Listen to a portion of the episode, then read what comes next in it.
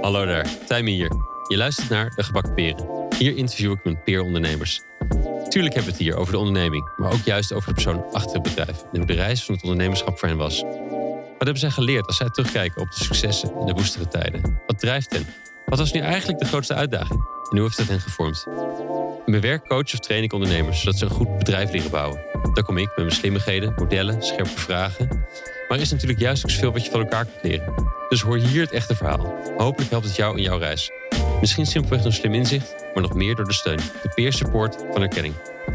Ondernemerschap is de beste school voor persoonlijke ontwikkeling, maar misschien kun je sommige lessen met minder schade en schande leren door slim te spieken. Of in dit geval door af te luisteren. In deze aflevering is Siewart Zomer te gast. Siewart is coöperatief directeur van Energie Samen, de landelijke koepelorganisatie en belangenorganisatie van duurzame energiegemeenschappen van burgers. Steeds meer duurzame energieprojecten worden vanuit een coöperatie opgezet, waarbij dus een veelal lokale groep burgers eigendom en zeggenschap heeft over het project. Zo wordt al 5% van de wind en 2,5% van de zonne-energie opgewekt en is stijgende. In dit gesprek hebben we het over hoe coöperatief organiseren zorgt voor meer eigendom en inspraak van individuen. Dat zorgt dus in een veranderende wereld voor meer grip op een essentieel deel van je leven, zoals energie. En tegelijkertijd vraagt dat ook een andere verwachting en een actieve houding. Daarnaast hebben we het over tot het diepste niveau filosofie snappen en dat kunnen vertalen naar heldere taal. Over doorzetten tot je het tijd mee hebt gecreëerd. En ik kon het niet laten over statuten. Dit gesprek stemt mij hoopvol. We hebben zoveel essentiële onderdelen van ons leven overgedragen aan ofwel de overheid of marktpartijen. En daardoor hebben we ook onze invloed en bezit overgedragen. Soms gaat dat prima, maar wat als dat niet werkt? De coöperatieve vorm van organiseren is een opkomst. Stel je voor dat dat de norm wordt. Voor energie, maar ook voor voedsel, vervoer, woning, zorg en onderwijs. Siewart weet hier zowel technisch als helder over te spreken. Dat is knap en doe weinig hem na, maar hij verstaat daarnaast ook nog eens de kunst om het proces te begeleiden om de verandering te organiseren. Als klap op de vuurpijl was dat er, mede dankzij hem, ook een regel in het energieakkoord staat dat 50% van de duurzaam opgewekte energie in eigendom van de lokale omgeving moet zijn. Dank Siewart voor dit gesprek, maar nog meer voor je idealen, al het werk en doorzettingsvermogen. Veel plezier met luisteren. Hier is Siewart Zomer. Hey, welkom, Siewart. Leuk dat je bent. Wat leuk je jou weer in het echt te zien. ja. Um, uh, ja, ik begin bij gasten, daar had ik je niet helemaal voor gewaarschuwd, maar ik begin bij gasten altijd een beetje bij het begin, dus hoe zij opgroeien. Uh, dus ik weet dat jij in Friesveen bent geboren, of, of in ieder geval daar opgegroeid. Geboren, ja. Geboren zelfs. Um, kun je me meenemen hoe, hoe jullie gezinssituatie thuis was en hoe, hoe jij als kind was en, en wat de dynamiek daar was? En misschien de, ja, de, wat ik altijd oh. vraag is de setting rond het ja. avondeten, hoe, hoe dat in zijn werk ging. Oh, ja, daar verras je me mee. Maar, um, nou, uh, Frieseveen, uh, de Wulp, opgegroeid. Uh, daar, um, daar ook naar school gegaan. We hebben, ik heb vier, of drie broers. twee jongere, één oudere broer. Um, mijn ouders zijn nog steeds uh, bij elkaar, moet je tegenwoordig zeggen. mijn ouders zijn, uh, mijn pa was uh, leraar in Den Ham, het dorpje ernaast. En mijn moeder, ehm, die was thuis voor een groot gedeelte, maar die deed veel vrijwilligerswerk. En um, nu werkt ze bij buurtzorg. Toen wij, toen wij gingen studeren, dat soort dingen. altijd verpleegster geweest. Hmm. Dus... Um, ja, veel stabieler kun je het niet krijgen. Uh, de hele, we moesten met z'n allen op waterpolo. Want mijn pa was uh, waterpolo trainer, dus die kwam van school. Gaan we eten, nam ons mee naar het zwembad. En dan uh, nam mijn pa het opvoeden over, maar dan in het zwembad. Met alle andere kinderen in team erbij. Dus dat... Ehm, en zo een beetje mijn hele jeugd doorgemaakt. Dus ik... Um, nationaal waterpolo team jeugd, uh, Overijsselsteam, zaterdag, zaterdags drie wedstrijden spelen, eh, vier, uh, vier avonden in de week uh, in het water liggen en dan woensdagsmiddags nog met je vriendjes gewoon vrij spelen in, ja, ja. in het zwembad. Um, Echt altijd in het zwembad dus? Alleen maar in het zwembad, ja. ja. Opgegroeid en meer opgegroeid. Ik denk dat ik meer uren in het zwembad geweest ben in mijn leven dan in mijn jeugd dan in thuis. Ja. Dus het was, en, en ook op middelbare school was het school, slapen, toen ik thuis kwam, eten, trainen. En dat was altijd, ja, was een beetje mijn leven. Maar met, vier, met vier jongens dus en allemaal dat zwembad in? Ja, uh, ja, behalve mijn oudste broer, die kon goed voelen maar die mocht pas vanaf zijn 14 toen hij al bij FC Twente voetbalde, mocht hij pas van waterpolo af. Oh ja, ja. maar echt een verplicht nummer dus. Echt- Ja, dat was verplicht nummer. Ja, dus, eh, ik heb de grap ook gemaakt toen mijn pa, die eh, werd ridder van, van de Oranje Nacht, ja. werd geridderd vanwege al zijn vrijwilligerswerk bij het eh bij VZPC, de waterpolo club. En toen zei ik ook altijd van ja, bij ons thuis was het zo dat wij aan mijn ma vroegen op zondag, waarom komt onze waterpolo trainer vlees snijden? Ja. Dus eh, ja, dat, wa- ja, dat was gewoon het waterpolo. En het was, eh, dat, echt, dat is ook het mooie van VZPC. eh dat is echt een familieclub. Eh, echt spelen vrij hoog, een tweede klasse. Maar niet echt ambitie om profs te worden. Allemaal mensen van buiten te halen. Ze moeten allemaal hebben van ja, kleine groepen families die die club draaiende houden. Waar eh, nou, nu al de derde generatie Hmm. eh, in die teams opkomt. Eh, mijn, mijn pa speelde met de vader van mijn beste vriend. Mijn beste vriend heeft nu kinderen die gaan op waterpolo. Ja, ja, ja. dus dat is zo'n... maar klinkt ja. als een bekende, bekende lijn die je later door werd gezet met de coöperaties en zo. Ja, ja, ja. Hey, en hoe, was jij, hoe was jij als kind? Je, je, je verplicht naar waterpolo, maar dat, je praat erover alsof dat ook wel leuk was. Het ja, nee, ik heb ontzettend veel plezier gehad. Hmm. eh, waterpolo en... eh, ik kan het er nu allemaal niet meer bij doen. Maar ik ben nog steeds lid bij VSPC. En ik probeer nog elk jaar eh, twee of drie wedstrijdjes te pakken. zijn dan dure wedstrijdjes, want je betaalt gewoon 200 euro lidmaatschap. Ja, ja, ja.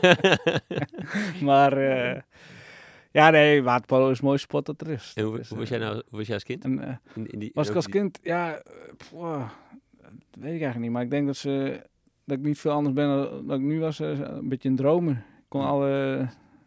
eh, kon echt helemaal weg zijn, dromen en dat soort dingen. eh.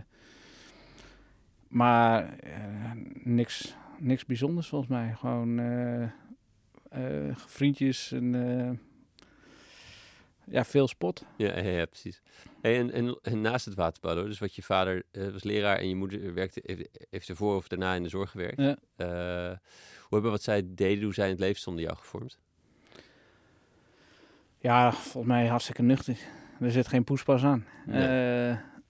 Eh, dus we zijn in Friesveen dan hervormd. Zijn we de eerste paar jaar nog naar de kerk geweest en daarna is dat gestopt.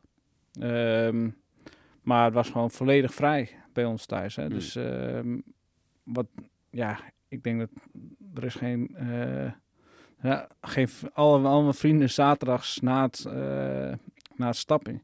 Dan gingen we naar mijn huis, want daar mocht alles. Ehm, dan gingen we frikandellen eten. maar ook gewoon, ja, omdat mijn ma zei, ik heb liever dat je hier bent dan dat je op straat staat. Maar eh, ja, dat, het huis van Zomer, de Wulp, was wel een beetje het, de plek waar iedereen naartoe ging. Dus ik heb ook eh, vrienden die, eh, ja, die zijn vanaf een veertiende eigenlijk in de weekenden bij ons opgegroeid. En die eh, waren gewoon bij ons thuis. En het was echt altijd open huis. Ehm, iedereen was welkom. Mm. Hè, zelfs van jongens die, ja, die uit een moeilijk gezin waren. Die waren waar echt anderen een beetje tegen aankeken van... Nou, daar mo- moet, je niet moet je niet mee omgaan. Ja. Nou, die jongens die liepen bij- kwamen bij ons over de vloer. En ja, dat was altijd... Moeder zei van... Ja, maar als, je, als jouw papa en mama zo waren... Hè, had, je, had jij dan gewild dat niemand jou eh, bij thuis had? Dus gewoon die, die openheid, dat... eh, ja, ik denk dat ik dat wel meegekregen heb. Ja, ja. Ja. In ieder geval het voorbeeld, ja. Ja, ja. En je zei al een beetje een dromer. Waar, waar ging jouw, jouw interesse heen? Ja, alles en nog wat. Maar ik had, als, als jeugd had, was ik al, maar nog steeds geïnteresseerd in oorlog. Ja. Ja, ja dus ik las op mijn achtste, achtste eh, boeken over de holocaust. Hè, dus dan mijn moeder echt zei van, eh moet ik hier wat mee? Is dit wel Ja. normaal? Ehm, in groep 7 een spreekbeurt gegeven over de loopgraven in de Eerste Wereldoorlog. Wauw. Dus, ja, als je dat dan vertelt aan je vriendin later, die zegt van, ja, maar dat is niet normaal hoor. Hè, waar de andere over de walvis of over de buis het ja, ja. ja. eh, had ik over, loop, over ja, trenchfoot en eh de, s- de Von Slieven plan had ik dan helemaal uitgetekend op het bord. Ehm, en al mijn scripties ook geschreven over eh Eerste Wereldoorlog en eh, dat soort dingen. G- Gewoon bijzondere interesse over. En, maar ik kon, ja, maar dat kan ik nog steeds gewoon ja, in de les alles langs me heen. En dan, dan droom ik en dan over wat ik morgen ga doen, maar ook wat ik, hoe de toekomst eruit ziet. Ja, precies. Ja. Precies.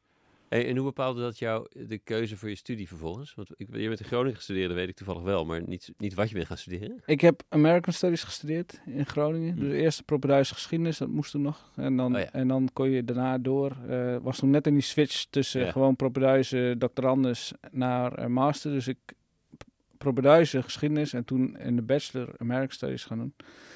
Ehm, nou, ik denk dat dat een beetje wegkomt bij eh, eh, mijn moeder ook, waar ik gewoon heel vaak de wereld een beetje bespreek. En toen Ja. ik was in Australië aan het rondreizen.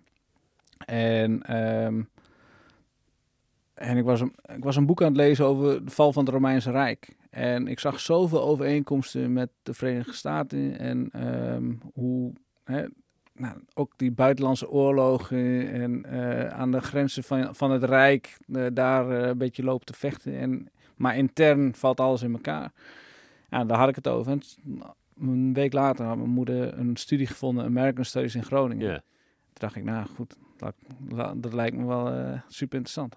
En je, je, je was aan het reizen toen je...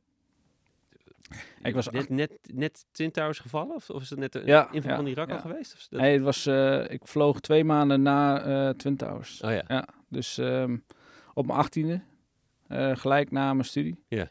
Als ik nu in het clubhuis van Vees op Zee kom en ik zie jonge jochies van 18, dat ik dacht, Hoe kan dat? Ja. eh, zei ik ook tegen me, ik zeg, dat was toch totaal onverantwoord dat je me liet gaan. Ja, dat was ook zo, maar ik had niet het idee dat ik je kon tegenhouden. Ja, dat was ook zo. Dus eh, ik op mijn achttiende eh, reisde ik rond in Australië. Ja, ja, je hebt- Ehm, met 3000 gulden gespaard of zo. Dan heb ik negen maanden rondgereisd, veel gewerkt, kermissen en dat soort dingen. En ehm, ja, toen teruggekomen, geschiedenis. En dat vond ik echt, ja, ik heb zeven jaar gestudeerd, maar ik heb zeven jaar echt met alle plezier. Ik heb nooit last gehad van mijn studie, nooit. Ehm, ik heb wel echt een paar keer moeten bikkelen om dingen af te krijgen.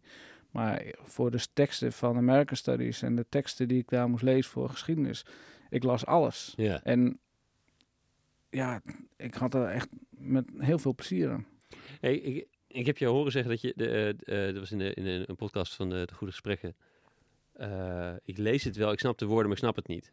Maar Ja. dat, dat, was een, dat was in de studie in Birmingham, volgens mij, of niet? Nee, dat was in eh, Amerika. Ah. Dus voor American Studies eh, kan je een half jaar op exchange. En die heb ik gedaan in Charleston, South Carolina.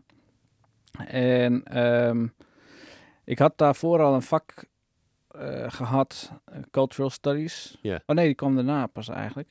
Dus ik ging naar Amerika en daar nam ik twee filosofievakken. Eén liberalism en één federalism. En met name in het liberalism vak, dus moest ik John Rawls lezen. Ja, The Veil of Ignorance, eh, dat, eh, dat boek. En nou, ik begon gewoon te lezen. En ik was een, zelfs nooit vanuit mijn jeugd of echt in- met filosofie in contact gekomen. Ik wist wel een beetje van, eh, van Marx en dat soort dingen, dat filosofen waren. Maar voor de rest echt nooit echt die teksten gelezen. En toen begon ik dat te lezen en ik dacht echt van, ja, oké, ik heb mijn grenzen van mijn intellectuele capaciteiten bereikt. Ik snap gewoon niet, hè, dus ik, dat had ik nog nooit meegemaakt in mijn leven. Dat ik, ja, ja. dat ik iets las en dat ik echt dacht van, nou, ik, ik ben hier te dom voor. Ik, Hmm. hè, tot, tot hier en niet verder. Nou, wat- nou, oké, weet ik waar mijn grens ligt. Dus dat zei ik ook tegen haar. Ik zeg van, ah, ik denk dat ik moet stoppen met het vak, want ik, ik ben volgens mij net niet intelligent genoeg voor dit, want ik snap niet wat hier staat. En toen zei ze van, eh, nee, dit is altijd zo. Het is een taal die je moet leren. Op het moment dat je de taal leert, hè, dus van achter elk woord zit een betekenis, maar elk woord zetten ze, zetten ze vijf van die woorden in een zin. Ja, ja, ja. En dan moet jij dus snappen wat, wat het is. Dus dan, dan ben je dus eh, die tekst aan het lezen. Ben je echt ja, per woord, wat bedoelt hij daar? Ik ben aan het googlen, wat bedoelt hij daarmee? Oh, oké. En, dan, en dan leer je die filosofietaal. En dan is het makkelijk, makkelijk lezen op een gegeven moment. Ja, dan, het is, Te- technisch gezien is het Engels, maar het is geen Engels. nou ja, het is, het is gewoon Engels. dus De woorden zijn Engels, maar eh, een, een, een woord van... Ja, neem, neem Marx. De, eh, de forces of production. Mhm. Nou, daar kun je wel wat bij voorstellen, wat dat, wat dat is. Maar wat de echte volle betekenis, wat dat, wat dat is, dan, daar zijn hele boeken over volgeschreven wat hij daarmee bedoeld heeft. Dus dan wordt het even zo in zo'n zinnetje gezet. En dan moet jij dus weten wat hij daar precies mee bedoelt. En dat is, anders ja, lees je nooit echt goede, volle filosofie, uh, filosofie Ja, ja. tekst. En, eh, Hoe ben je er doorheen geploeteren dan? Echt zo als je net ja, nu zo. Ja, ja, Maar dus, dat is nogal ehm, een kluif dan. Want het, ja, het dat is alsof je een eh, Franse literatuur erbij pakt, zeg maar. Ja, ja dat is, het dat- is alsof je een andere taal leert. Dus eh, je gaat zitten en je leest een zin en je snapt het niet.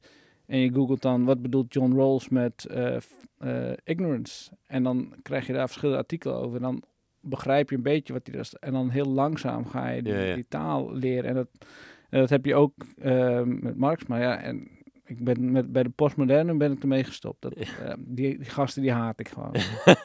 die weten het wel heel bond te maken of zo? Ja, die doen het ook expres, heb ik het idee. Die, die doen het gewoon echt... eh, die doen moeilijk om het moeilijk doen. En doen dus, ehm, de- dus door de teksten van. Derrida... Ja, daar, daar, daar was ik gewoon een dag bijna mee bezig om te snappen wat er op één pagina stond. Ja, ja. Dan denk ik van, ja, maar dan, dan maak je het ook expres niet toegankelijk. Dan ben je gewoon een eikel. Is- ik, heb, ik heb je ook al gezegd dat die, ehm, de vakbonden in, in, de, in de UK, eh, die komen van, mensen komen van de werkvloer en moeten aan, aan de mensen op de werkvloer uitleggen waar ze voor strijden. Dus die moeten het heel simpel houden. Dus het Ja. is een soort tegenstrijdigheid. Of het is een soort, eh, precies de andere vorm eh, kiezen.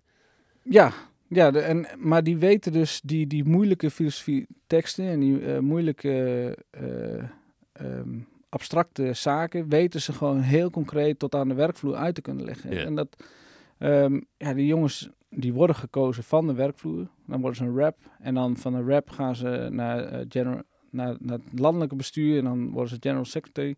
Dus die hebben hun hele leven geoefend om in de kroeg uit te leggen hoe ja, gewoon basis economie filosofie in, in gewoon normale basistaal. En die kunnen dat echt weer. Hè. Dat, dat zijn, hebben we in Nederland ook hebben we dat, hebben we dat niet meer. In het verleden had je PvdA-wethouders die konden op een kistje in de haven staan tegen eh, Turkse arbeiders die net een beetje waar woorden. En die konden ze vertellen dat als zij niet meer gaan werken, dat er in die eh, haven geen waarde meer gecreëerd werd. Want arbeid creëert waarde Ja. gewoon Marxisme is een heel boek over geschreven, maar dat, maar dat snapt iedereen. Ja. En ehm, dat gebeurt niet meer. Vraag de, een random PvdA-wethouder wat hij van, eh, welke filosofie van waarde hij de laatste tijd gelezen heeft en waarom hij zich daarmee bezighoudt. Die, die basisgrondbeginselen hebben ze niet meer, dus kunnen ze het ook niet uitleggen. Maar Nee. ze hebben het ook nooit hoeven uitleggen aan mensen in een fabriek. Ze zijn met hun eigen peers, zijn ze abstracte beleidsteksten met elkaar. En dus die, die arbeiders begrij- begrijpen hun ook niet meer. Nee, nee. Terwijl, ja, daar moet je wel echt naar terug. Want je ziet gewoon dat niemand meer eh, tractie krijgt bij dat soort partijen. Niet met dit gedachtegoed. Nou, niet zo bij dit gedachtegoed, maar ook gewoon... Want het lukt niet meer om dat gedachtegoed in die taal uit te drukken. Maar er zijn wel anderen die wel die taal eh, hanteren. Maar dan over, met andere denkbeelden.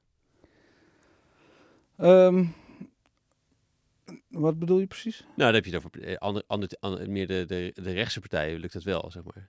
Nou, die gebruiken geen theorie. Die, die hebben tractie omdat die heel simpele dingen eh, uitleggen. En mensen dus zeggen van, nou, ik begrijp wat die gast zegt. Ja, ik zo bedoel ik. Ja, Ja, ja, ja. Ehm, het is niet waar wat ze zeggen. Hè? Eh, de huizencrisis komt door buitenlanders. Maar de één en één kun je, logica kun je maken. Maar als jij zegt van eh, nou, iedereen van, kan van een dubbeltje een kwartje worden. Daar staan wij voor als PvdA. Ja, wat betekent dat? Hmm. Hè? Dat zeggen alleen mensen die een kwartje zijn. Eh, maar als jij zegt, ja, beste vriend, als je de basisfilosofie van de eh, Partij van de Arbeid is arbeid creëert waarde. Dus jij hebt recht op een deel van die waarde. Dat snap jij. Ja, Dus als jij, want kijk maar, als jij stopt met werken, je gaat staken, wordt er geen waarde gecreëerd. Dus je hebt het volste recht op een go- goed loon, goed werk en goede werkomstandigheden. En dat mag je gewoon eisen.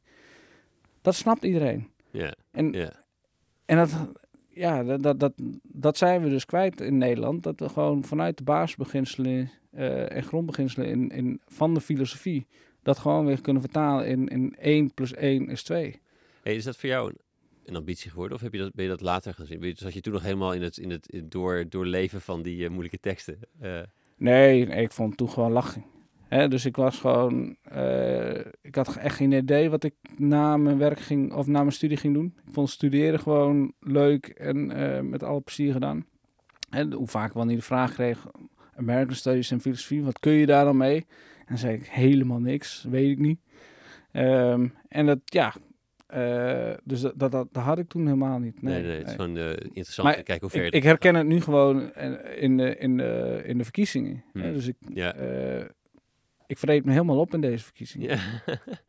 Op je handen zitten van ah! Of. Ja, ja, ja. ja. ja. Nou, komt ook wel door alle formats die we hebben. Hè? Dus de, de, de, de tirannie van de 10 minuten secties. Waar je gewoon niet meer fatsoenlijk in gesprek kan gaan met, eh, met beleidsmakers of met politici.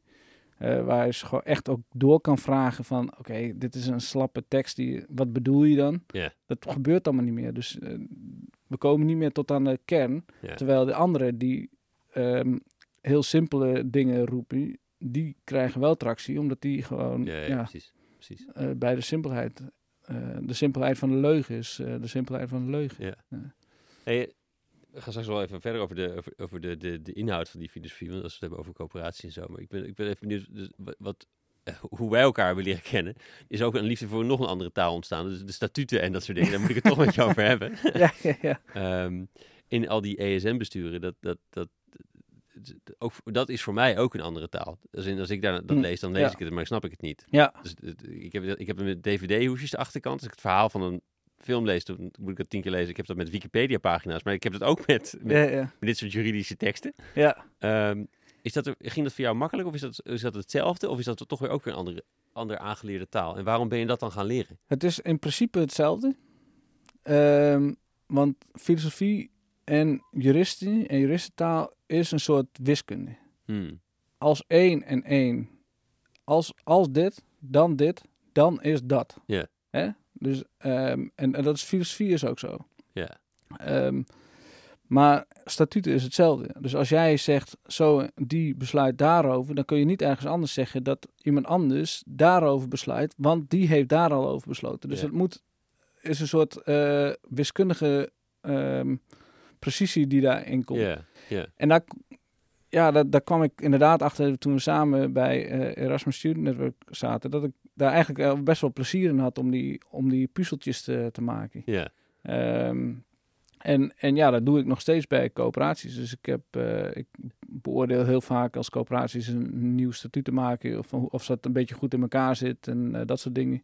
Eh, onlangs mijn broertje, die heeft een ondernemersmagazine in Twente. Die gaat een coöperatie oprichten. Hè, dus daar mee, meekijken. En dat, ja, dat is... ja, en dat hebben we toen bij Erasmus Student Network Nederland ook hebben we hem helemaal herschreven samen met al die, al die sectors in, in, ehm, in elk, van, vanuit elke stad hebben we een landelijke vereniging eh, her- herschreven. En dat, ja, dat was met alle plezier. denk ik. Ja. Was ook altijd wel gezellig. Ja, ja, dat sowieso. dat sowieso. En, maar dat is een beetje blijven hangen ook.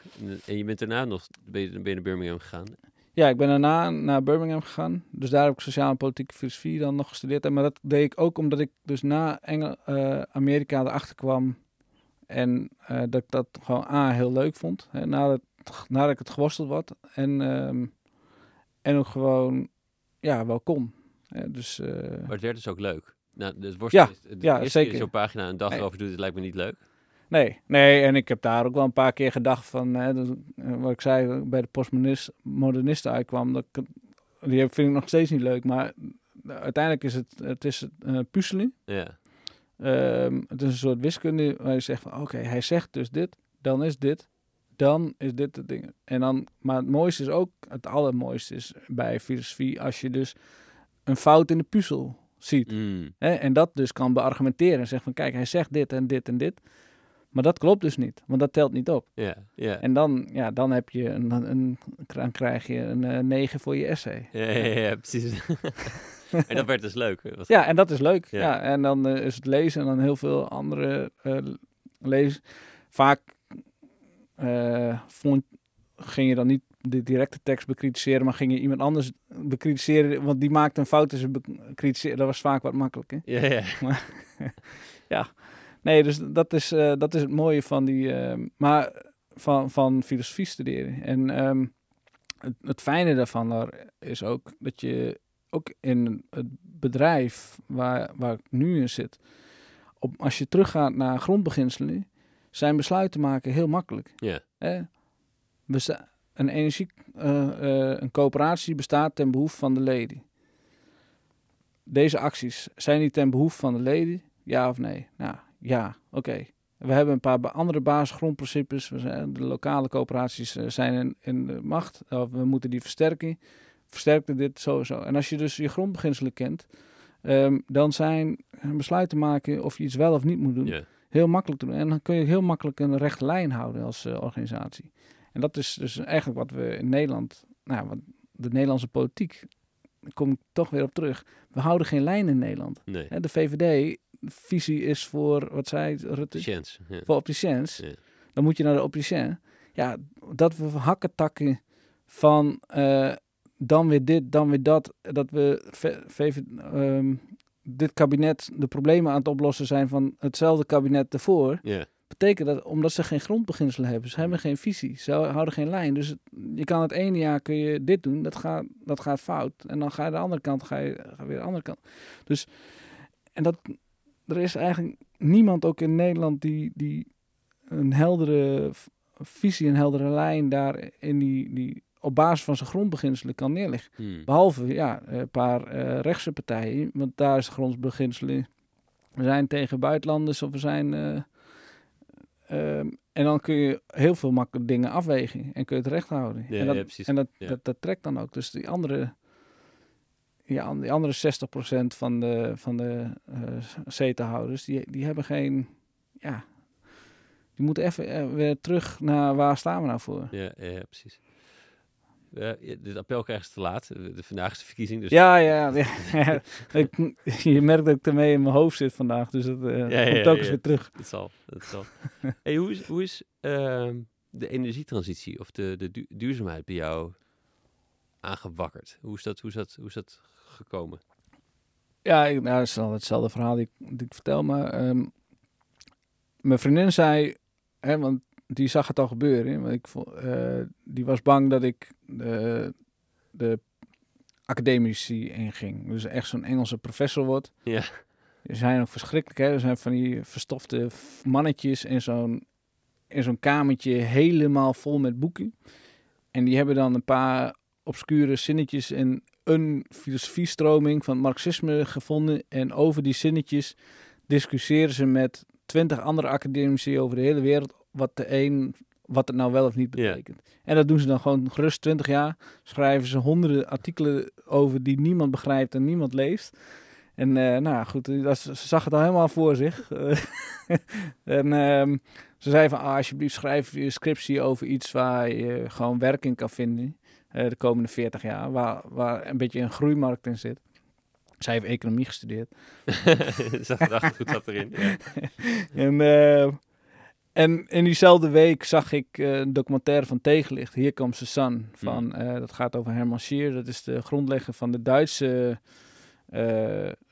duurzaamheidswet. En dus de, de eerste feed-in tariffs werden daar gemaakt. Er werd een markt gemaakt voor wind- en zonnepanelen. En die, die zei al van, ja, die techniek is er al wel. Dit, er gaat echt wat anders gebeuren. Er gaat dus een, de sociale en de, uh, democratische transitie. Hmm. Omdat je echt weer um, de mogelijkheid hebt om niet alleen die kilowatturen te verduurzamen, maar ook uh, in handen te krijgen van uh, nieuwe groepen burgers en bedrijven. En Yeah. toen dacht ik van ja, ja, hier moet ik gewoon wat over schrijven. En waarom moest je, waarom moest je dat? Ja, omdat het zo, zo raakte. Van, ik studeerde sociale en politieke filosofie. En hij zegt, er is dit is een sociale en politieke uh, transitie. En uh, toen dacht ik van, ja, hier, hier, hier zit gewoon wat in. Toen heb ik uiteindelijk nog een obscuur verhaal geschreven over uh, wat Marx nou bedoelde over, met te technologische ontwikkeling.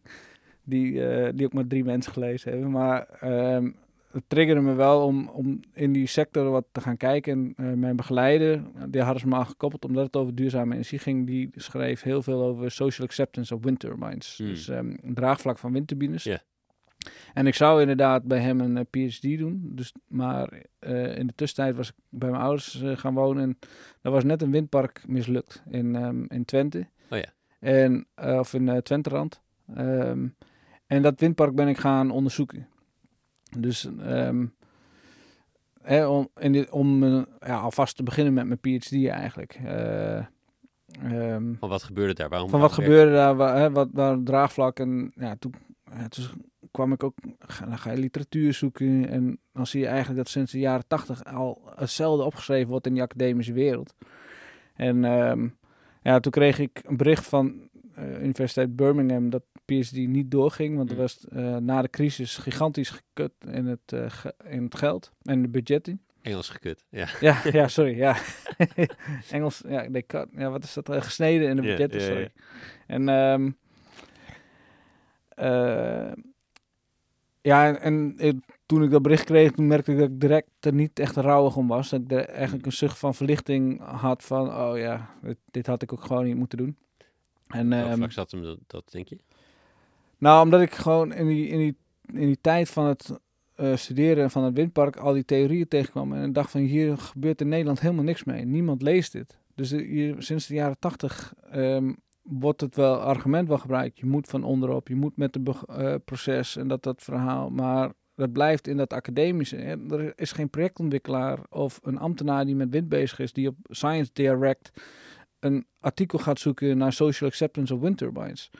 Nee.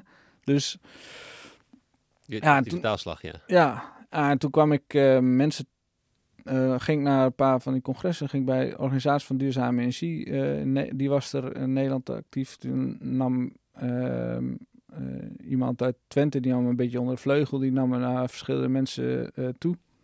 En ehm, uiteindelijk kwam ik op een congres en daar waren eh Paulien Westerdorp en Anna Stijkel, die, die hadden daar net een project gekregen in Amsterdam, dat heette Wij krijgen kippen. Ja. En dat was tien jaar geleden.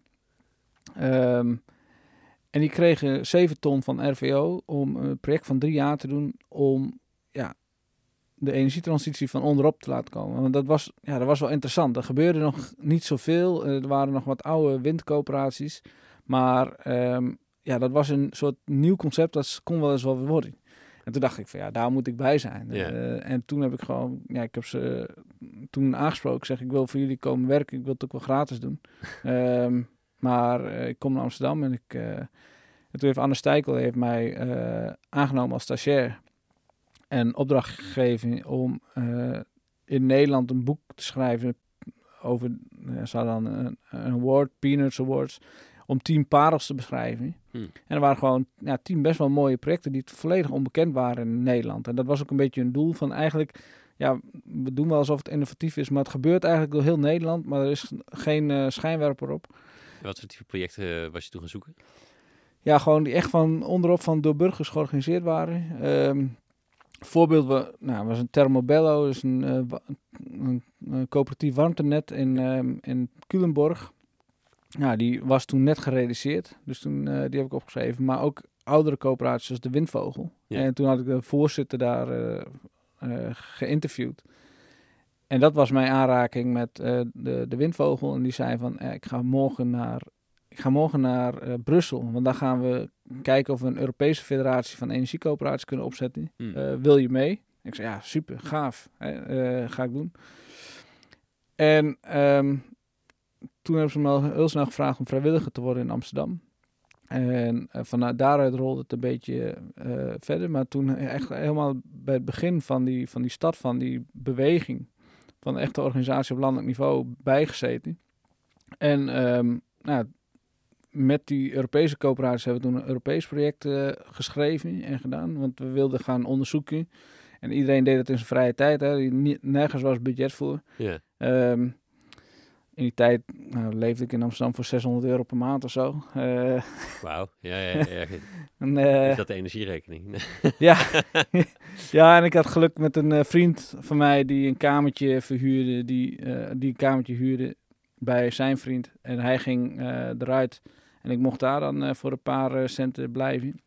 En, eh, ehm, en dat eigenlijk anderhalf jaar zo een beetje gedaan. Een beetje krabbelen hier, opdrachtje daar, opdrachtje Ja, zo. En, ehm, maar in die tussentijd wel bij, ehm, bij de organisatie van Duurzame Energie aan de slag gegaan. En als vrijwilliger voor 25 euro per uur bij de Windvogel. Ja. Ehm, en daar toen in het bestuur gekomen. En dat heb ik Heb zeven jaar gedaan. gezeten? Zeven jaar, ja. Je hebt Ja, echt een, ja, flinke periode daar in de... Ja, ja, nee, dus het, ik hou er altijd wel van om dingen af te maken. Ja. Dus eh, ehm, ik heb daar ja, zeven jaar gezeten. Het was een, een coöperatie die wel echt helemaal vrijwilligers eh, draaide. We hebben toen eh, al heel snel eerste werknemer aangenomen. En, maar omdat ze op vrijwilligers draaiden, konden zij in die hele markt van wind, wat redelijk agressief geworden was, hè, ge- heel veel geld ging erom in om, konden ze eigenlijk niet meer meekomen. Ehm, en hadden ze dus wel een hele lijst met projecten. Maar niks had zich echt gemanifesteerd, want er was al lang een andere marktpartij tussengekomen die sneller was, die meer bood en dat soort dingen. En Deze dus- coöperatie wilde weer nog een molentje extra bouwen. ja, die hadden, die hadden eh, op dat moment vier molens. En ze hadden nog allemaal contacten om andere molens. Ze Ja. wilden nog heel graag andere molens bouwen. Maar andere marktpartijen die geen waren allemaal voor. Dus er was ook een volledige frustratie in die club hè, bij die bestuurders. Van ja, iedereen was verkeerd. Hè. Overheden, boeren wilden te veel van grond. En de markt was, eh, marktpartijen waren verschrikkelijk. En ik kwam naar, ik dacht van ja, misschien ligt het ook aan jezelf. als onderneming. Hmm. En moet je een keer goed gaan kijken of je, hoe je, of je strategie kan veranderen. En dat hebben we toen, ehm, nou, dat heb ik eigenlijk zeven jaar zijn, ben ik daarmee bezig geweest. Om als landelijke coöperatie daar een, een strategie te, te vormen waar je dus ehm, lokale coöperaties ging helpen en daarachter ging staan. Eh kwamen gelukkig eh, ook wat andere bestuursleden bij die eh, Albert Jansen, voor, die heeft bij RVO altijd in een windteam gezeten. Die dacht, nou, ik ga ook daar. En die wist gewoon hoe je windmolens moest bouwen. En die, Ja. en, en die, ja, die heeft mij gewoon ook het vak geleerd van, van ruimtelijke ordening en hoe je strategie moet, moet maken om eh, tot een positie te komen. En de gemeenteraad zo moet krijgen dat, dat, ze, eh, dat ze doorgaan. Ja, en zo hebben we, ehm, heb ik eigenlijk in zeven jaar voor de windvogel twee posities. Eén, een handtekening gezet met eh 23 boeren in Drenthe. Zouden we eigenlijk een mooi parkje van maken. Samen met 23 boeren en eh, de dorpen eromheen. Ja. Maar dat is toen ja, samengevoegd en een heel groot park geworden met alle eh, eh, ruzie van dien in, in dat gebied. Ehm, en andere was een windpark. Daar hadden we als de windvogel twee molens staan. En dat, dat was in Zeewolde. En alle, iedereen die daar een molen had, die mocht mee in het nieuwe, nieuwe windpark. En ook daar heb ik, ja, zeven jaar ben ik daarbij geweest. Zit ik nu nog steeds in het eh, eh, stakbestuur. Hè, dus dat is de, de aandeelhouder van de, van de BV. Ehm, maar dat zijn een beetje de doorlooptijden van dat soort projecten. Ja, ja, en, en, en die projecten die waren allemaal eh, waren beide door Financial Close. En een ander project waar we mee bezig waren, Vlaringen, die hadden net de v- vergunning gehad. En dacht ik van, nou, dit zijn mooie momenten om... eh, en, en de organisatie zelf eh, stond stevig in de... Ja, af. ja, ja, voor mij voelde het af. En toen dacht ik, ik ga ook wat an- of ik, ik dacht, ik ga wat anders doen. Want ik had gezien, eh, ik had heel lang heel weinig verdiend, 25 euro per uur. Ja. Ehm, ook bij Ode. Dat is niet eh, wat ik adviseer als ik... met- Nee, exact. exact nee, dus, maar er was ook gewoon niet zoveel meer. Hè? Dus ja, in de, in de markt wel, maar ik wilde gewoon echt voor die coöperaties werken. Maar ik had wel het vak geleerd van windmolens bouwen. Ik had het vak geleerd van besturen. Ja. Het vak geleerd van windparken besturen. In grote windparken gezeten. En toen dacht ik, nou, ik word gewoon consultant en ik ga in die eh, windparken eh, gewoon ongegeneerd even cashen de komende jaren. Maar eh, in die tussentijd wa- was er ook heel veel gebeurd op landelijk niveau. Waren er heel veel ehm, energiecoöperaties op landelijk niveau. Die hadden zich georganiseerd en er waren zo'n vijf coöperaties, eh, ehm, vijf landelijke coöperaties van coöperaties. En die hebben we in die tussentijd ook zover gekregen om te fuseren. En toen bij Energie Samen, eh, of dat, dat is toen Energie Samen geworden. En ehm, daar zaten mensen, en met name de algemeen directeur waar ik nu mee samenwerk, die zei van ja, ik wil dit samen met jou opbouwen, dus je moet wel blijven. Want ik deed alleen de lobby en de belangbehartiging. En eh, ja goed, dat was zo'n mooie uitdaging. Dus toen stopte ik met de windvogel. En toen ben ik voltijd gaan werken voor Energie Samen. En eh, ja, dus ehm, ja, het had ook anders kunnen lopen. Ja, ja, En, precies. maar wel gewoon tegen een, heel, tegen een fatsoenlijk tarief. En, eh, Intussen bedoel je. In, in, en. Ja. En, ja, maar ook bij de fusie, toen heb ik gezegd, ja, ik, alles mooi en aardig. Ik heb de afgelopen zeven jaar heel veel gegeven voor deze eh, sector. Ehm, heel veel vrijwillig gedaan.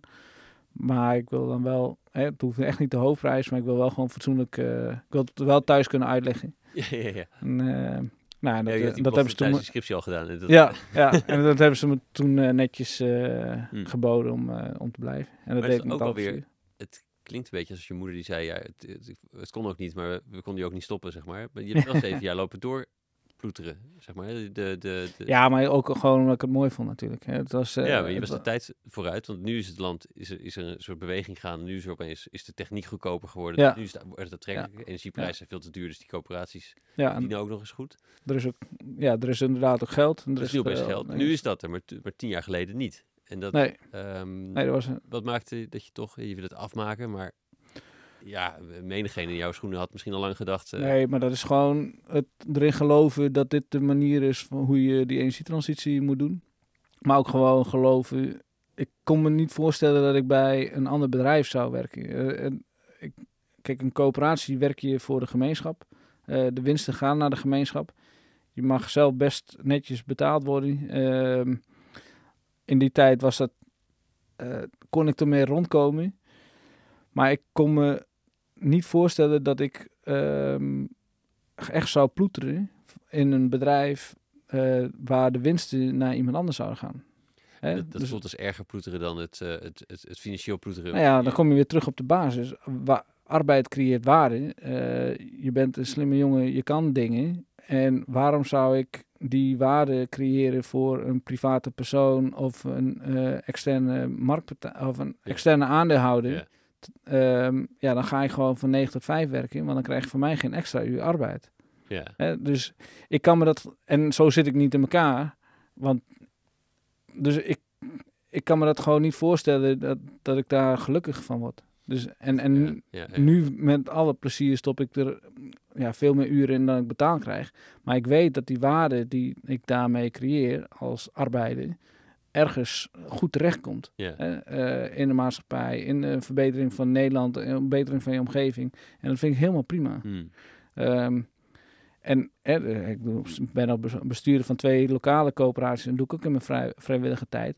En hoef ik ook helemaal niet voor betaald te krijgen, omdat ik die, de waarde die ik creëer met mijn arbeid toevoegt aan andere soorten waarden in mijn omgeving. Maar als mijn extra arbeid toevoegt aan de, de dikkere portemonnee van een chef die ooit tien jaar geleden eh, eh, een bedrijfje heeft gestart, ja, daar, ligt, daar word, ik, word ik niet enthousiast van.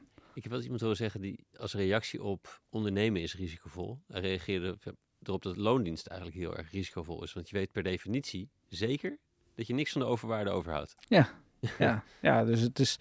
En daarom. ehm, hè, eh, kijk, ondernemen is risico nemen. ehm, maar dat kan ook.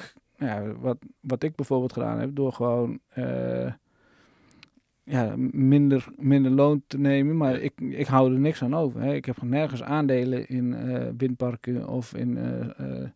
of ik ga- hou er geen toekomstwaarde. Ik hou er heel veel voldoening aan over en een, en net loon. Maar ja, het risico nemen is echt een verschil. ik heb echt een bloedje hekel aan ondernemers die denken dat eh, zij de alfa en omega zijn van de economie. Dat, Mm. Omdat zij een paar knaken hebben en een ideetje dat wij met dat de hele wereld op hun knietjes mogen leg- liggen, dat zij eh, dat, dat gedaan hebben en zij dus ook alle recht hebben om alle overwaarde die daar gecreëerd is in hun zak te steken. Terwijl ehm, al, die ar- al die arbeiders die erin zitten, de meeste waarde creëren. Want als die ermee stoppen, heeft hij helemaal niks meer. Tweede is de maatschappij, die heeft heel veel waarde toegevoegd. Want die arbeiders zijn opgeleid, kunnen naar een bedrijf en dat soort dingen. Dus, Om Ze- over de techniek en de, Ja, de de- research daarvan maar te zwijgen. dus in, dat, in dat opzicht, die, die, die, om, die, dat dat helemaal eh, uit de pas is. Dat de een met alles, met de hoofdprijs wegloopt van een bedrijf. En de ander gewoon maar, eh, ja, en, en dat het verhaal van ja, ik kan alles, alles verliezen. Ik, ben al, ik heb genoeg bedrijven failliet zien gaan. Die zag ik, eh, die, die, Ja, ja, ja. een jaar later deden ze gewoon weer hetzelfde. Want ze hadden ergens anders in een BV'tje. En de schade hebben wij als maatschappij, hebben wij wel. Hè? Dus Ja, wij pakken, we pakken wel al die eh failliete bedrijven, pakken wij samen op. Dus ja, ik, ik word er al heel zagrijnig van als, eh, dat soort, als dat soort, dat soort patje P'ers eh, vinden dat, ze, dat de wereld om hem draait. Ja. Ja, nee, precies. Hey, en, en in de energietransitie zie je, zag je een soortzelfde risico mogelijk gaan ontstaan. Dat dat nu ook aan de hand kon, kon zijn. Hè? Dat, dat, dat, dat, er Ah, gaat, het is nu aan de hand. Ja, er is een transitie gaande en die kan op twee manieren gaan. Allemaal eh, energiebedrijven die gewoon van eh, een- paar mensen zijn. Er zijn hele windparken die van een paar mensen zijn. Ehm, je hebt energiebedrijven die zijn van eh, anonieme aandeelhouders. Dus waar dus heel veel waarde eh, gewoon ja, naar een bepaalde groep gaat. Die in principe zelf, afgezien van het kapitaal dat ze erin stoppen, niks toevoegen. Nee.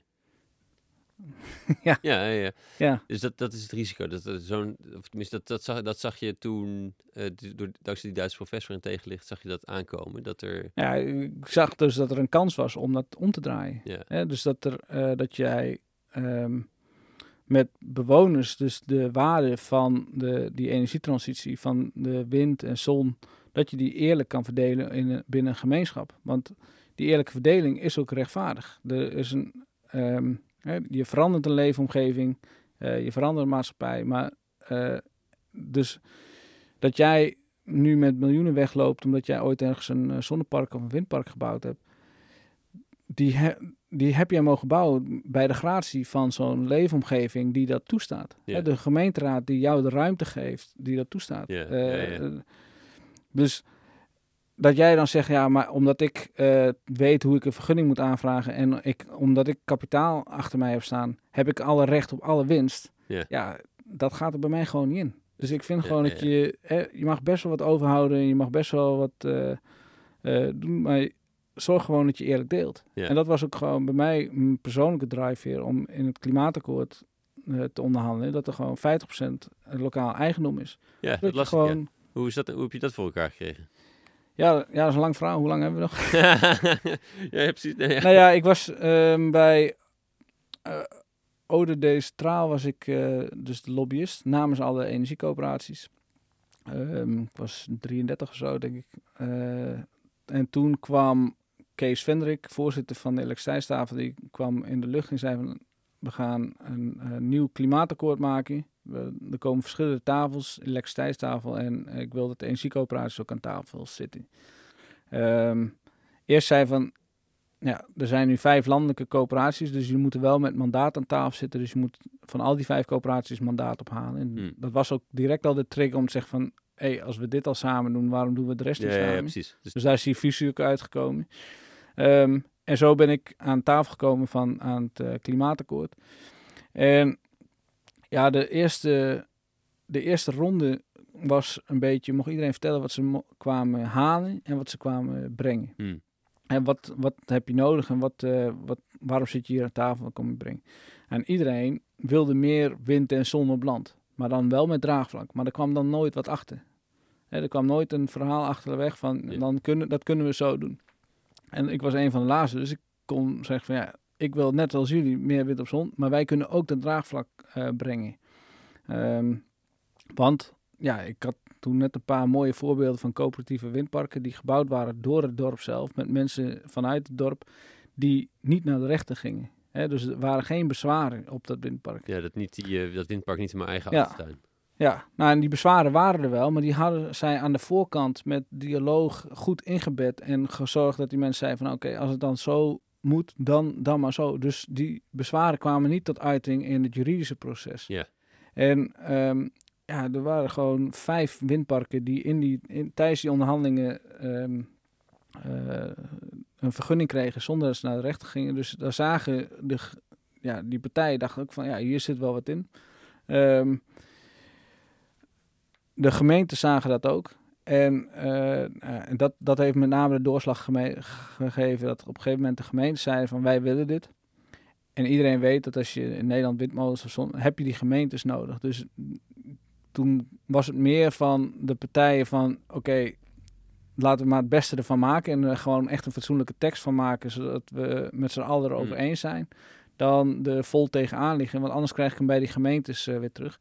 En toen hebben we met een paar eh, ontwikkelaars van, van bedrijven die echt ook aan de grond ook ontwikkelden, die teksten gemaakt. En toen was er redelijk wel veel overeenstemming. Eigenlijk is een groot gedeelte van die teksten geschreven door de lobbyisten van RW en van Vattenfall. Omdat dat de manier was zoals zij windparken aanpakten. Oké. afgezien dan van dat uh, 50% lokaal eigen, maar er staat ja. een hele tekst omgevingsparticipatie eh, in. Hoe jij met een eh, buurt omgaat. En, en die bedrijven, omdat die, dat waren geen nieuwkomers meer, die hadden gewoon ervaring. Mhm. Ehm nou, Eneco was er ook zo eentje en Pure Energie was er ook zo eentje.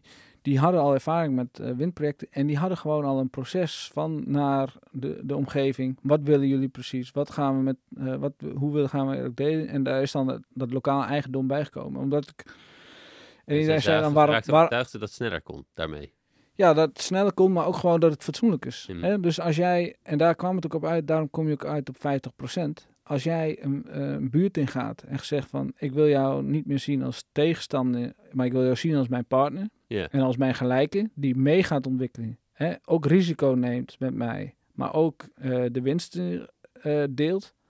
Hè? Ehm, ja, dan kun je moeilijk zeggen, ik zie jou als mijn gelijke, maar je krijgt maar 25%.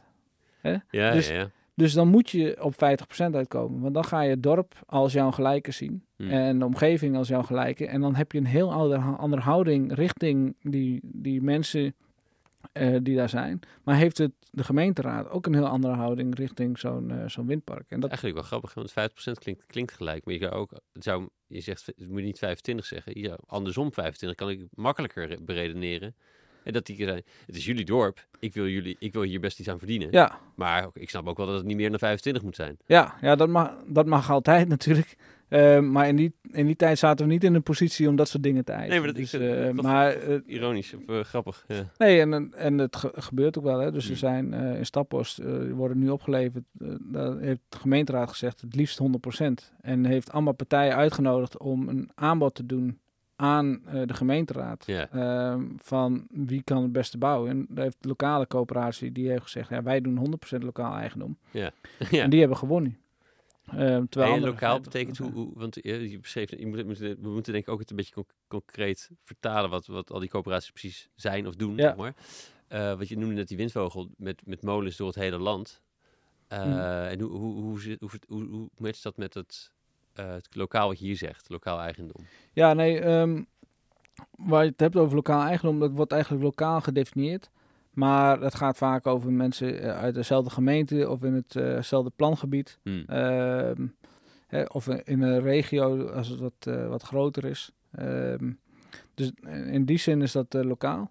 Al die coöperaties hebben dus hun eh, windmolens zelf in bezit op lokaal niveau. En ze bepalen op lokaal niveau wat zij met die geld en die eh, energiestromen doen. Ja. En ehm, wat wij als energie samen doen, al die coöperaties die hebben op eh, landelijk niveau hebben zij hun eigen bedrijf opgericht, eh, ja, een coöperatie. En, en wij doen dan op landelijk niveau niet het beheer van de assets en het eigendom en die geldstromen, maar wij helpen andere s- startende coöperaties, maar we helpen hun ook met verzekering, met toegang tot kapitaal en Ja, ja precies. dat soort dus, dingen. dus de, de landelijke coöperatie is niet een soort van, zoals, zoals BV's die erboven hangen, die eigenlijk aansturen. Ja, Eh, maar zijn dus, nee, wij zijn, wij zijn dienend en faciliterend Ja. aan, eh, de- en daarom zijn we ook coöperatie. We zijn, eh, ja, onze leden zijn de baas, dus wij zijn een soort faciliterend, eh, faciliterende onderneming die, die, die onze leden zo Ja. goed mogelijk en zo sterk mogelijk willen laten maken. Ja, grappig. Dit is, dit is weer net een beetje als zoals in die ESN-tijd, dat een landelijk bestuur hadden Exact. dat niet Ja. een soort aanstuurde, maar net faciliterend was. Ja, Ja, ja dus Ja. eh, waar jullie de baas waren. ja. ja ik wou het toch maar even gezegd hebben. Ja, zo. En, eh, en ik vind dat helemaal terecht. ja, ja, En dat is ook prettig ondernemen. Hè? Dus mensen denken dat dat... eh, zo kun je toch niet ondernemen. We hebben 370 eh, leden. Ehm, en die zijn de baas. Die hebben vertegenwoordiging gekozen in het bestuur. Eh, die houden toezicht op eh, het bedrijf. Waar ik dan eh, samen met vier andere directeuren de leiding aan geef. Ehm, maar, en dan denk ik van ja, dat is toch onbestuurbaar zo'n club. Maar het maakt je als je het ziet als een drempel, word je onbestuurbaar. Hmm. Want dan ga je dingen proberen door te drukken en dat soort dingen. Maar als je, je kan het ook zien als kracht. Want Ja, ja. als jij producten maakt en diensten maakt en je vraagt en je bent dienstbaar, dus dan haal je die leden naar binnen in je organisatie. En ga je vragen van hoe wil je het dan hebben, wat, waar heb je behoefte aan. En dan hoef, wij hebben geen marketingbudget. ja, ja, ja. Want ja, wij kennen onze met- leden. ja. Je bent gewoon in gesprek met alle producten die je maakt. Weet dat je past. Wij hoeven geen persona's te maken Nee. eh, van onze leden. Want die, die zitten gewoon aan tafel en bepalen hoe het product eruit ziet. En daarmee heb je dus een beter product. Ja. Ehm, ja, en dat is gewoon, eh, dat maak je als coöperatie eh, enorm krachtig. Hmm. Ehm, en, en maakt ook gewoon je dienstverlening zo goed mogelijk. Hey, en- dus even gewoon technisch te zijn, de, de coöperaties van voor, voor die windparken, er zijn ook meerdere coöperaties mogelijk, maar Mhm. in, dit geval gaat het over, of eigenlijk hebben jullie dus twee vormen, hè? dus die, die koepel is anders, dat is een ander soort Ja, coöperatie een dan de, dienstverlenende coöperatie. Ja, precies. Eh, en, maar hier hebben ze dus de, eh, ge- gezamenlijk hebben de leden hebben de investering gedaan om die molens te bouwen en bezitten dus de molens. Ja, ja, De- ja. dus een, een energiecoöperatie is een groep enthousiaste bewoners die, die iets willen doen in de energiemarkt. Ja. En het kan alles zijn. Hè. Dus, sommigen hebben eh, coöperatieve deelauto's, anderen hebben coöperatieve zonneparking, anderen hebben windmolens, anderen hebben een combinatie van alles en nog wat. Ja. Dus ehm, ja, alles wat je kan doen op de eh, energiemarkt, dat kunnen coöperaties ook. Maar alleen het verschil is dat zij ehm, samen met hun leden daar zelf in investeren en dus daar ook zelf de zeggenschappen over, eh, over hebben. Ja, precies. Dus het, het, je hebt zeggenschap over wat er in je, eigenlijk in je omgeving gebeurt daarmee ook. Ja, ja, ja. Is dat even de reden waarbij je, ik heb je, je- die- dat je zegt dat de coöperaties zijn weerbaarder in, in, dat is één ding wat je, wat je hoor zeg maar het geeft ook meer vertrouwen weer. Om Ja. Die assets of production, eh, om het maar even in vaktermen, maar Ja. om, gewoon de, de spullen waarmee het geproduceerd wordt. Exact. Ja, nee, dus ehm, toen we het klimaatakkoord hadden over draagvlak, Ja, dat. vond ik het ja. toen al f- eh, vervelend woord. Want het is niet, ja, draagvlak is meer iets wat je positief bent over iets wat van een ander is. Hmm. En waar wij het over hebben is vertrouwen. Ehm, je, mensen moeten je vertrouwen geven, zeggen van, hé, hey, jij hebt, gaat hier goed mee om, je gaat goed met mijn leefomgeving om. En je gaat eh, goede dingen doen met, eh, met die windmolens of met, dat, eh, met de opbrengst daarvan. Dus, en dat krijg je door dat jij, ja, je krijgt dat vertrouwen doordat mensen zelf kunnen ingrijpen. Hè? Dat je zegt van alle stappen of de verschillende stappen die wij maken en besluiten die wij maken, die leggen we aan jullie voor of jullie daarmee akkoord zijn. Dan zeg je dus niet ja, nee in een proces van zeven jaar aan de voorkant. Je zegt ja tegen een proces waar jij constant de zeggenschap hebt. Ja. En dat geeft vertrouwen en zegt Ja. van oké, als we het dan doen, dan, dan laten we het dan zo doen. Ja, precies. Want dan heb je, en, eh, omdat je, dan heb je dus het vertrouwen, of je hebt een soort van gevoel van grip om je, weet je, omdat je hebt zeggenspraak, eh, eh, zeggenschap over Ja. de, je omgeving. Ja, ja, en dat is nou, nu heel relevant in de aardgasvrije wijken. Hè? Dus Mhm. daar zie je dat heel veel van die projecten vastlopen aan de voorkant. Omdat mensen gevraagd worden ja of nee te zeggen voor een uitkomst die ze niet kunnen overzien. In, eh, waar ze soms 30 jaar aan een bedrijf vastzitten. ja, ja. En daar zie je dat die initiatieven waar, van onderop, waar je zegt van ja, je zegt niet ja of nee tegen iets, maar je zegt ja of nee tegen de zeggenschap en het proces. Ja.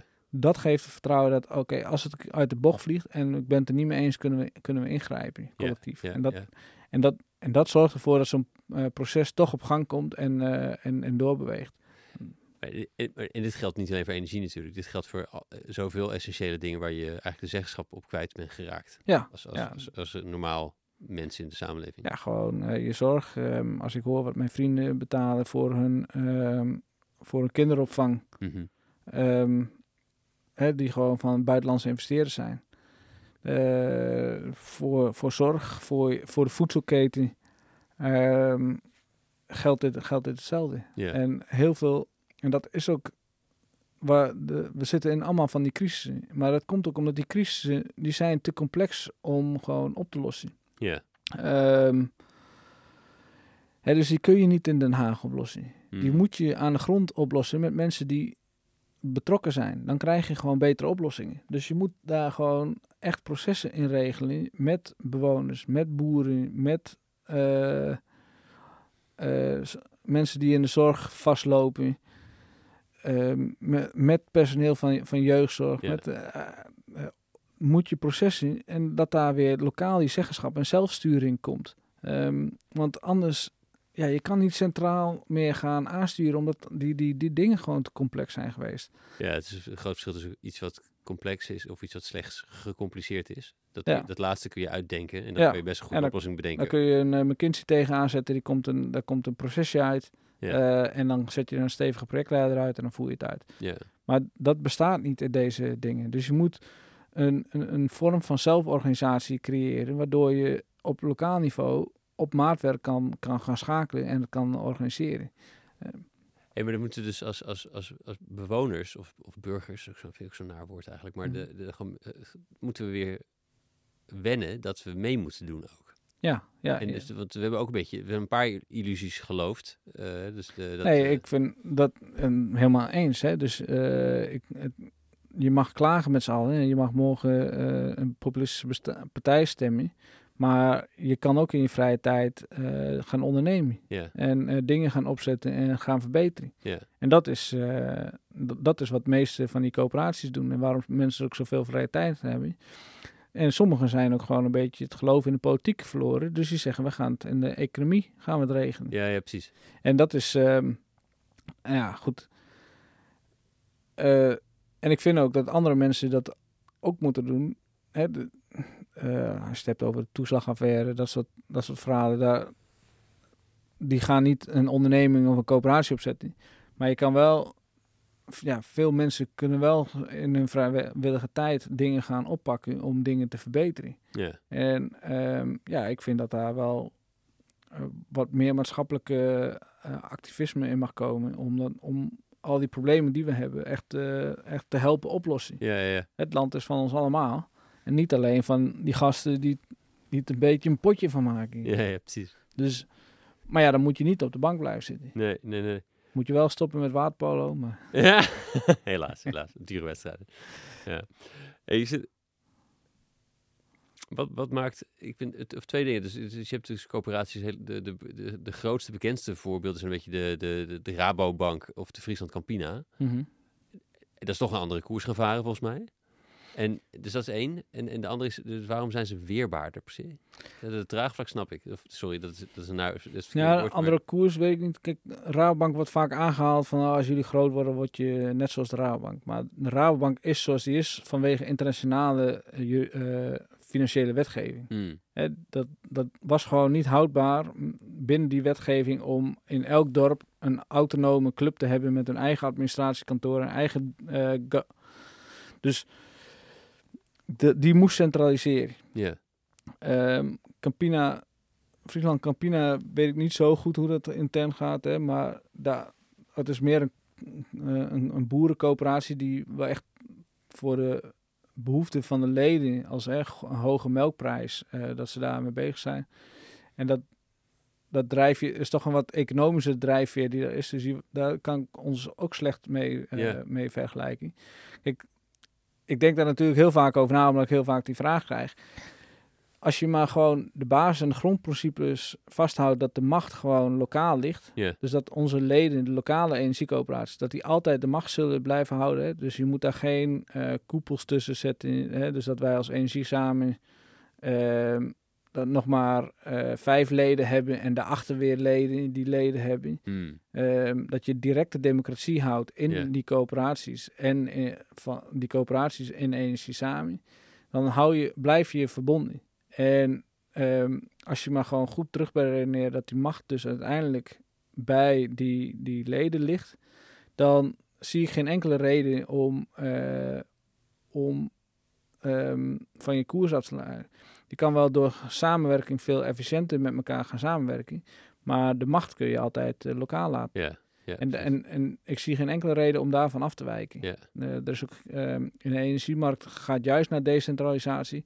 Dus er is bij ons ook geen in- eh, externe druk om daar van af te wijken. Tenzij je afstapt echt van je grondbeginselen.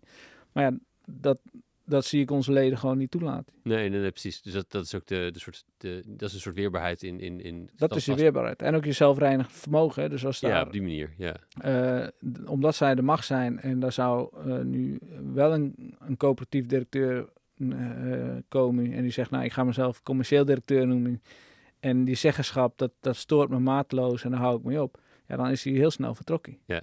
Ja. En terecht ook. ja, ja. ja, dus dat is een soort uh, weerbaar in koerswijziging. Exact, de andere is ja. een soort financieel weerbaarheid. Is dat, is dat... Ja, nou, we hebben financiële weerbaarheid omdat we, A, we zijn een beetje risicomijdend. Hmm. Ehm, omdat je met geld van burgers, eh, hè, met niet, niet zomaar geld van burgers die, eh, die een anonieme obligatie kopen. Ja, Je hebt burgers van geld van je buurman, van je buren. Dus die zijn, ze zijn redelijk ehm eh, risicomijdend in dat eh, opzicht. Dat zie je ook. Hè. Er zijn nog nooit een energiecoöperatie failliet gegaan in, eh, in Nederland. Er zijn wel een paar die gestopt zijn omdat ze het niet rondkregen. Maar ehm, terwijl er wel heel veel energiebedrijven de afgelopen jaren om zijn gevallen. Ehm, en, maar ook omdat zij vaak voor hun ontwikkeling geen eh bankaire financiering eh, halen of eh, venture capital ophalen. Want ze gaan toch niet verkocht worden. Het is en v- van, voor en door de gemeenschap. Dus externe financiering raak je A, je autonomie en je zeggenschap kwijt. Dus dat doen ze al niet. ja, Dus ze beginnen vaak qua onderneming, als de kaststromen beginnen te lopen, beginnen ze vaak op nul. Hebben ze misschien wel een banklening op basis van het project, hè, maar die is op project gefinancierd. Maar als coöperatie hebben ze nul. Waar andere marktgedreven partijen die willen groeien, die staan vaak al op min 2, 3 miljoen van venture capital. En dat moet dan nog terugverdiend worden. En, en, en die zijn daar dan altijd achteraan aan het hollen. En dat, en dat- is juist het verschil ook met die coöperatie. Die zijn daarmee veel stabieler. Je ziet ook dat de enige energiebedrijven en enige organisaties die langer dan 30 jaar bestaan in de duurzame energiemarkt zijn coöperaties. Ja, Eh, ja, ja. Delta Winds, de de Windvogel van deze wereld. Die, eh, ja, die hebben gewoon allemaal hele stabiele kaststroom. eh, en, en ook op basis van die kaststroom zijn ze gaan ondernemen. Dat krijg je wel. dan krijg je wel, je bent wel langzamer. Je bent wel langzamer aan het groeien met z'n allen. Ja. Ehm, want nou, een bedrijf als Van de Bron, daar gaat aan een bult geld in. En die stoomt ons voorbij. En dan zegt ze, ja, hier moet je zien, de markt kan het beter. Hè? Eh, omdat ze, maar een paar jaar later moeten ze wel overgenomen worden door RWE. Want iemand wil zijn geld terug. Ja, ja, ja. ja. Eh, eh, venture capital wil zijn geld terug. Dus het hele, we zijn ehm, eh, ja, autonoom, nieuw speler op de markt en wij razen iedereen voorbij. En die trage energiecoöperaties, dan gaan we de wereld niet meer redden. Ja, dat zijn uiteindelijk wel de partijen die, die ja, eh, op achterstand staan qua, Ja. qua financiën. ja, ja, ja. En eh, ja, er zijn een beetje dieselmotortjes zijn. Ja, ja, ja, precies, precies. Hey, hoe, hoe- hoeveel, zijn er nou? Zeg maar, hoeveel, hoe, schets even gewoon hoe, Er zijn hoeveel ze- molens 700 energiecoöperaties. en hoeveel, hoeveel molens zijn dat? En, hoeveel, en dan weet ik eigenlijk nog Nou, ik steeds weet wat niet het zijn. aantal molens, maar we, qua molens hebben we zo'n 5% van de productie van eh, duurzame eh, energie. Ja, dat is Oh nee, van de, van de windenergie en, en zo'n 2,5 van zon. Dus dat is eh, in principe nog heel weinig. Nee, maar het is ook, ook niet niks hoor. Dat- Het is ook niet niks. Nee. Nee. Er zijn ook energiebedrijven die mogen blij zijn als ze 5% van de klanten hebben. Die, dus, zeggen. dus het is. eh, het begint substantie te krijgen. Eh, zo rond, als je rond de 10% kr- komt, dat is vaak ook de tipping point van Mhm. of je echt eh eh, invloed bepalend eh, bent hè, in, in een markt waar anderen ook aan jou gaan meten. Dus daar, daar, daar komen we binnenkort wel een keer aan. En, maar het, dit heeft met name te maken over ehm, precies wat ik zei. Dit zijn allemaal organisaties die zich met vrijwilligers met de haren uit moeras getrokken hebben. Als vrijwilligers in avonduren wind- en zonneparken gebouwd hebben. Ehm, eh, dat moeten leren. Die, die plek op die markt moeten veroveren tegen partijen die hele juristenafdelingen hebben. Die kapitaal, ongelimiteerd kapitaal eh, hebben. Ehm, en nu beginnen die kaststromen te lopen. Dus kunnen ze mensen gaan aannemen, kunnen we innovatieve projecten gaan doen. En, en, en ja, als je ziet wat, wat we dan bereikt hebben in de afgelopen tien jaar met vrijwilligerswerk in de avonduren, dan kun je wel voorstellen wat we de komende jaren in de 40 uur per week eh, kunnen bereiken met ja, mensen precies. die overdag aan de slag Als je best de wind mee hebt. Zo is dat, ja. Ja. ja. als je het mee hebt en als je gewoon mensen vol tijd in dienst eh, kan, eh, kan nemen. Ja, het, het, het is, die weerbaarheid. Ook dit doet me een beetje denken aan eh eh, interview dat ik laatst had met Mark Lagerwaard van Crowd About Now. Dus het financiering ophalen door mensen om jou heen. Ja. In plaats Ja. van een bankaire lening of een investeerder. Ja. Waar de toch geheig van rendement en, eh en Ja, geld terug achter zit. Ja.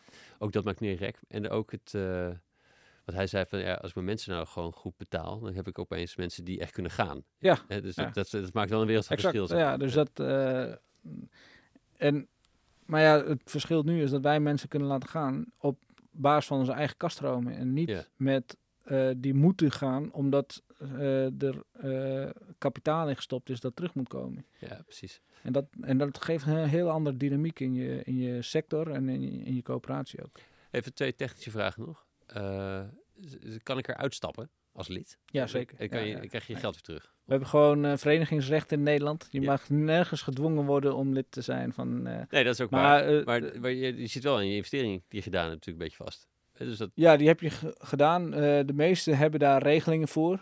Ehm, da- waar je gewoon, ehm, eh, als je eruit stapt, gewoon je geld weer terugkrijgt. Dus we hebben daar een beetje een budget voor. Eh, anders is het, als de liquiditeit toelaat, dan krijg je het terug. Maar we hebben dat in 1844 bij de eerste coöperaties, eh, hebben die coöperaties al bij elkaar gezeten en gezegd van wat zijn nou goede principes. Hmm. Het eerste principe is open en vrijwillig lidmaatschap. Hè? Dus, ja, ja. ehm, het was ook in de tijden van het socialisme en dat soort eh, dingen. Waar je allemaal verplicht en, eh, eh, eh, in dat soort communes moest gaan zitten. En die zei gewoon, nee, het moet open zijn. Eh, het is niet een exclusief investeringsclubje. Iedereen zou mee moeten Ja. mogen doen. En andersom ook. Maar andersom ook, het is vrijwillig. Dus we gaan niemand dwingen. En ehm, als je er weer uit wil, mag je er weer uit. En ik denk dat dat is ook de meest gezonde manier om eh, gezamenlijk eigenaarschap te hebben. Ja. Hey, een andere technische vraag is dus, of technisch, is dus, dus de, de, ehm, je hebt het bezit, maar je bent niet per se direct de afnemer van de, van de molen. Hè? Dus de, Nee. Je hebt wel een molen, maar je kan hem niet, je Nee. kan niet je waterkoker ermee aanzetten, zeg maar. of, Nee. of een ander voorbeeld. Maar dus daar- zit nog wel een, een soort kluif aan. Dat je het liefst zou je natuurlijk eigenlijk ook gelijk het af kunnen nemen. Het Ja. de zonnepanelen op je eigen dak of zo. Het zijn de zonneparken. Ja, je kan hier op verschillende manieren naar kijken. Hè. Natuurkundig is het onzin om dat te doen. Hè, want eh, ja, je hebt volgens mij natuurlijk ja. Dus die elektronen gaan gewoon net op en dat, dat, is, dat is helemaal prima. Dan kun je het administratief regelen. Dat wordt hier en daar wel gedaan hè, met eh, garanties van eh, oorsprong. En eh, waar we nu mee bezig zijn is om ehm, ook echt gelijktijdig die stroom af te nemen. In grote mate administratief, maar ook als je echt in de buurt woont, toch ook wel een beetje fysiek door die, door die kabels. Maar vooral dat het niet dus via een internationale markt hoeft voordat Ja, je nou ja, de teller bij jou gaat lopen. Exact, dus de- nu de, de, de marktprijs eh, duurder is geworden dan de kostprijs van wind en zon, dan wil je die stroom nu tegen die kostprijs aan je leden kunnen verkopen. Hmm. Maar dat kan alleen als je het ook gebruikt op het moment dat het echt daadwerkelijk opgewekt wordt. Eh. Binnen een lokaal niveau, waar je, ehm, ja, waar je dat dus eh, moet regelen. Dus je moet gaan monitoren bij die mensen thuis wanneer ze iets gebruiken, wanneer je produceert. Kan allemaal, hè, die techniek is er allemaal. Eh, maar je moet dat met elkaar afrekenen. En je moet met elkaar afspraken maken van eh, wie mag wanneer wat gebruiken. Want ja, er is nooit genoeg duurzame energie op lokaal niveau voor het hele dorp. In sommige plekken wel. Hè. Ja, ja, Eh, soms is het er even. Ehm, en soms is het even. Dus je moet, kan niet zeggen van ja, alleen die fabriek die mag alle goedkope stroom opsoeperen. Dus je moet, je moet daar eh, afspraken over maken. En, en daar zijn wij nu als energiecoöperaties. Nou, dat is, als je het hebt over statuten. Daar zijn de statuten natuurlijk appeltje eitje mee. Die besluiten van wie waar over mag besluiten. Maar hier moet je dus hele processen in over van oké, wat zijn dan de tijdframes, wanneer wie wat. En dan moet je samen met je leden moet je dat gaan lopen uitvinden. Ja. En dat, eh, ja, dat wordt een heel mooi proces de komende jaren. Ja, ja, dus dat is de volgende Ja. kluif. Om het, om Ja, dit- ja, dus dat is de volgende kluif. Hè. Wat- ik altijd zeg van, we zijn nu energiecoöperaties, dat zijn eigenlijk eh investeringsvehicles. Ja. Maar die gaan zich doorontwikkelen naar energiegemeenschap. Die dit soort eh, afspraken onderling met elkaar maken. Hoe je een bepaalde pool van kilowatturen samen verdeelt en beheert. Ja. En daar komen heel veel andere afspraken bij kijken. Die, die niet als, ja, eigenlijk bij veel andere gemeenschappen. Of bij, zelfs bij je gemeente, waar je ook heel veel afspraken met elkaar hebt. Hoe je met elkaar omgaat.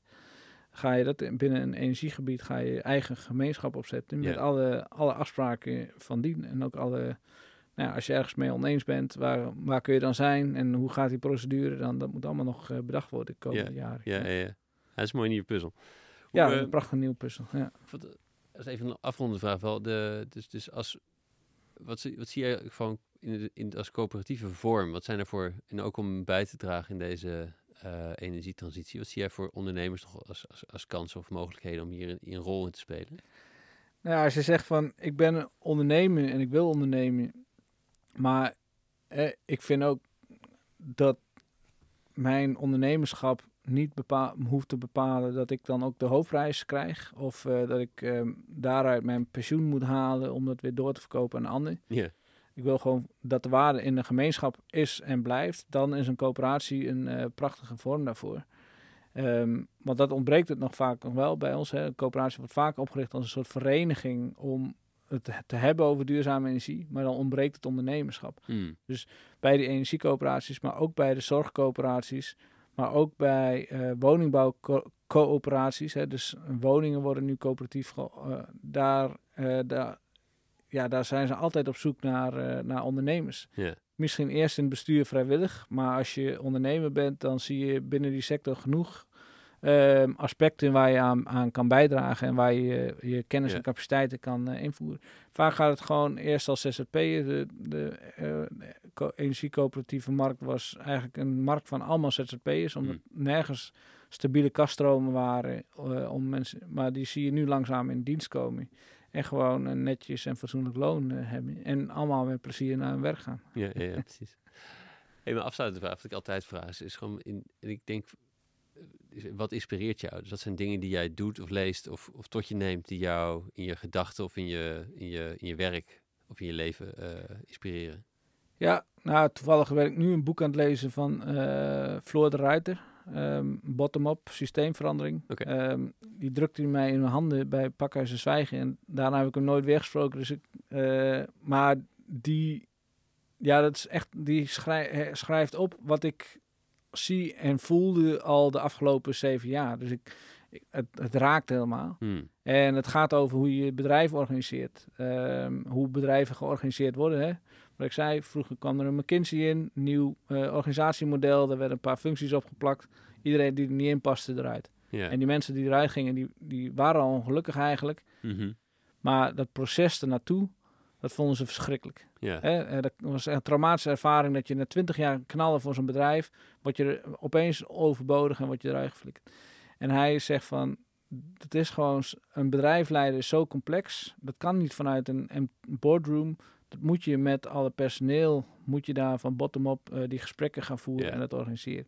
Ja, en zo zie ik de maatschappij, maar zo zie ik ook de energietransitie. En dus dat, dat is wel echt iets wat, eh, wat me op dit moment echt aan het inspireren is. Ja. En ja, en wat ik, ik zie in het verleden was, waren we blij, dan gingen we naar een opening van een zonneparkje eh, eens, twee keer per jaar, misschien een windparkje hier. En nu is het elke week op LinkedIn zie je dat eh, eh, er ergens weer een zonnepark geopend wordt, een coöperatief windpark geopend wordt. Ja, en ik weet dan hoe knijten, knijten, knijten veel werk erin zit Ja, van, ja. van, die, van die mensen, van die vrijwilligers. En die dat allemaal dus ehm, ja, doen om iets lokaals na te laten. Hè, en iets neer te zetten voor, voor de toekomst. En ja, goed, ja, dus ehm, eh, die mensen, hè, dus al die leden van ons en al die mensen die daar in die besturen zitten, de, ja, daar krijg ik al, eh, krijg ik al warm van als ik daar weer Ja, eh, over heb. Het zijn allemaal stuk voor stuk geweldige mensen. Dus ga, als je zou zo een podcast kunnen doen, al die bestuurders zijn allemaal, zijn allemaal leuke, aardige mensen. Heb ja. je in ieder geval plezier mee als ik, om te maken. Ja, nee, ja. Mooi. Ik, ehm, het, het, de cultuur van die mensen, hè, dus het is... ehm, eh, het zijn ondernemers, want ze zijn aan het ondernemen, maar ze doen het niet voor zichzelf. Het zijn niet van die patjepeers die op de pc rondlopen en ze eh, moet eens kijken wat ik, wat ik, wat Mm. ik voor elkaar gekregen heb. Die, die mensen spreken ook vaak over wij. Hè, wat wij als coöperatie. En dus het is, het is een ander soort empathische leiderschap die, die in die, die coöperatieve sector zit. En die dat eh, voor elkaar gekregen hebben. Dus het, het, ja, het is een heel prettig soort mensen waar ik heel graag mee samenwerk. Ja. Goede inspiratiebron. Ja. Eh, bedankt, dankjewel. Dankjewel dat je hier wilde komen. ja, met alle plezier. Dankjewel leuk. voor dit weerzien. Ja. En, eh, ja, maar ook dankjewel dat je voor je vriendin dat ze je de puzzel gaf. het ga, het, Ik ga, ga- vindt iets nuttigs met Ik deze. ga over een maand met haar trouwen. Dus Ja, ja, ja. Nou, ja. Ik weet waarom ik met haar trouw, waarom zij met mij trouw, dat weet ik nog niet. Maar goed. Mooie boel. Nee, maar dankjewel dat je die, die, die kluiven bent gaan aangegaan. het Steeds moeilijker werken, het denkwerk. En het eh, Ja. ook, ook jarenlang ploeteren om het in de praktijk eh, nu eindelijk echt te zien worden. Ja, ja het, eh, het land. En we gaan door. Ja, Ja. mooi. Dankjewel. Super. Ja, dat was hem alweer. Heel erg leuk dat je helemaal tot het eind hebt geluisterd. Dankjewel. Abonneer je op de podcast om zeker te weten dat de volgende aflevering jou ook vindt. Wil je niet wachten, maar weet je niet welke aflevering je moet kiezen? Op de website vind je verzamelingen afleveringen rond verschillende thema's van het ondernemerschap. Zoals co-founderschap, visionairs die het systeem veranderen en het uitvinden van welke vorm van een bedrijf bij jou past. Deze vind je naast uitgebreide show notes met alle lessen en links van alle afleveringen op www.studiogeorge.nl slash podcast. En ik probeer in mijn interviews met mijn gasten de belangrijkste inzichten te ontdekken van hun reis als ondernemer. De kern van hun lessen kun je wekelijks tot je nemen door je in te schrijven voor mijn nieuwsbrief Shots of Strategy. Elke vrijdag deel ik daar of de drie belangrijkste inzichten van het gesprek, of een oefening, een tool of een deep dive in een leiderschapsthema van ondernemers. Schrijf je in op www.studiogeorge.nl slash shots of strategy, allemaal aan elkaar. Als laatste, wil je groeien in je ondernemerschap? Ik help je graag om heel helder te krijgen wat je visie en waarden zijn. En om daar een bedrijf bij te ontwikkelen dat slim werkt, bij jou past en het impact maakt.